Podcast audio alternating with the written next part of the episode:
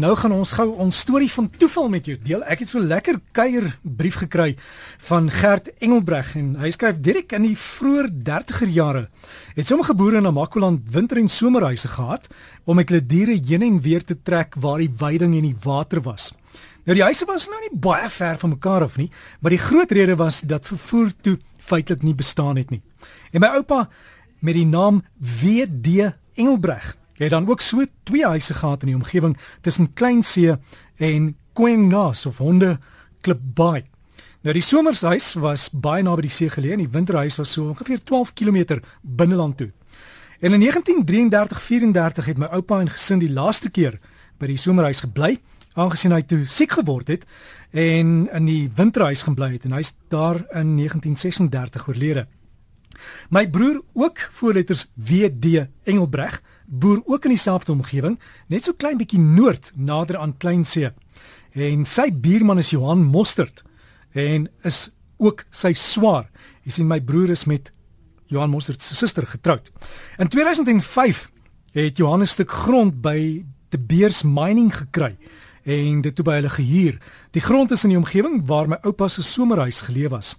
Nou Johan moes die omheining drade toe gaan herstel en so eendag was hulle besig met omheining. Hy het 'n noodontwikkeling goue bossie gesoek en daar gaan staan. En terwyl hy staan, sien hy hier lê so 'n aardige stok.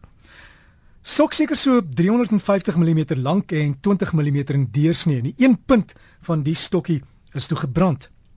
Hy skop dit so met sy voet en met die merk hy op dat daar geskrywe is op hierdie stuk stok. En met die optel sien hy daar is voorletters uitgekerf.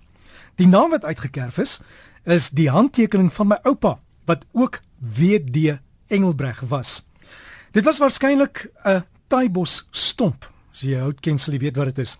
Die stok het so gelê dat die naam na onder was en die bokant van die stok was toe al effens verweer, maar waar die naam uitgekerf is, is dit nog in 'n baie goeie toestand.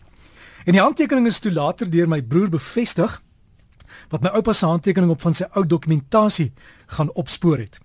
Die toevalligheid van die storie is dat die stomp daar in die verlate veld gelê het vir so 71 jaar. Die persoon wat dit toevallig oopgeskop en opgetel het, is my broer se buurman en swaar. Die naam uitgekerf is die van my oupa en my broer het sy name. En dis in die oop en verlate veld in Johan kon enige ander plek gaan staan het, maar hy toevallig by die stokkie gaan staan by daai bos.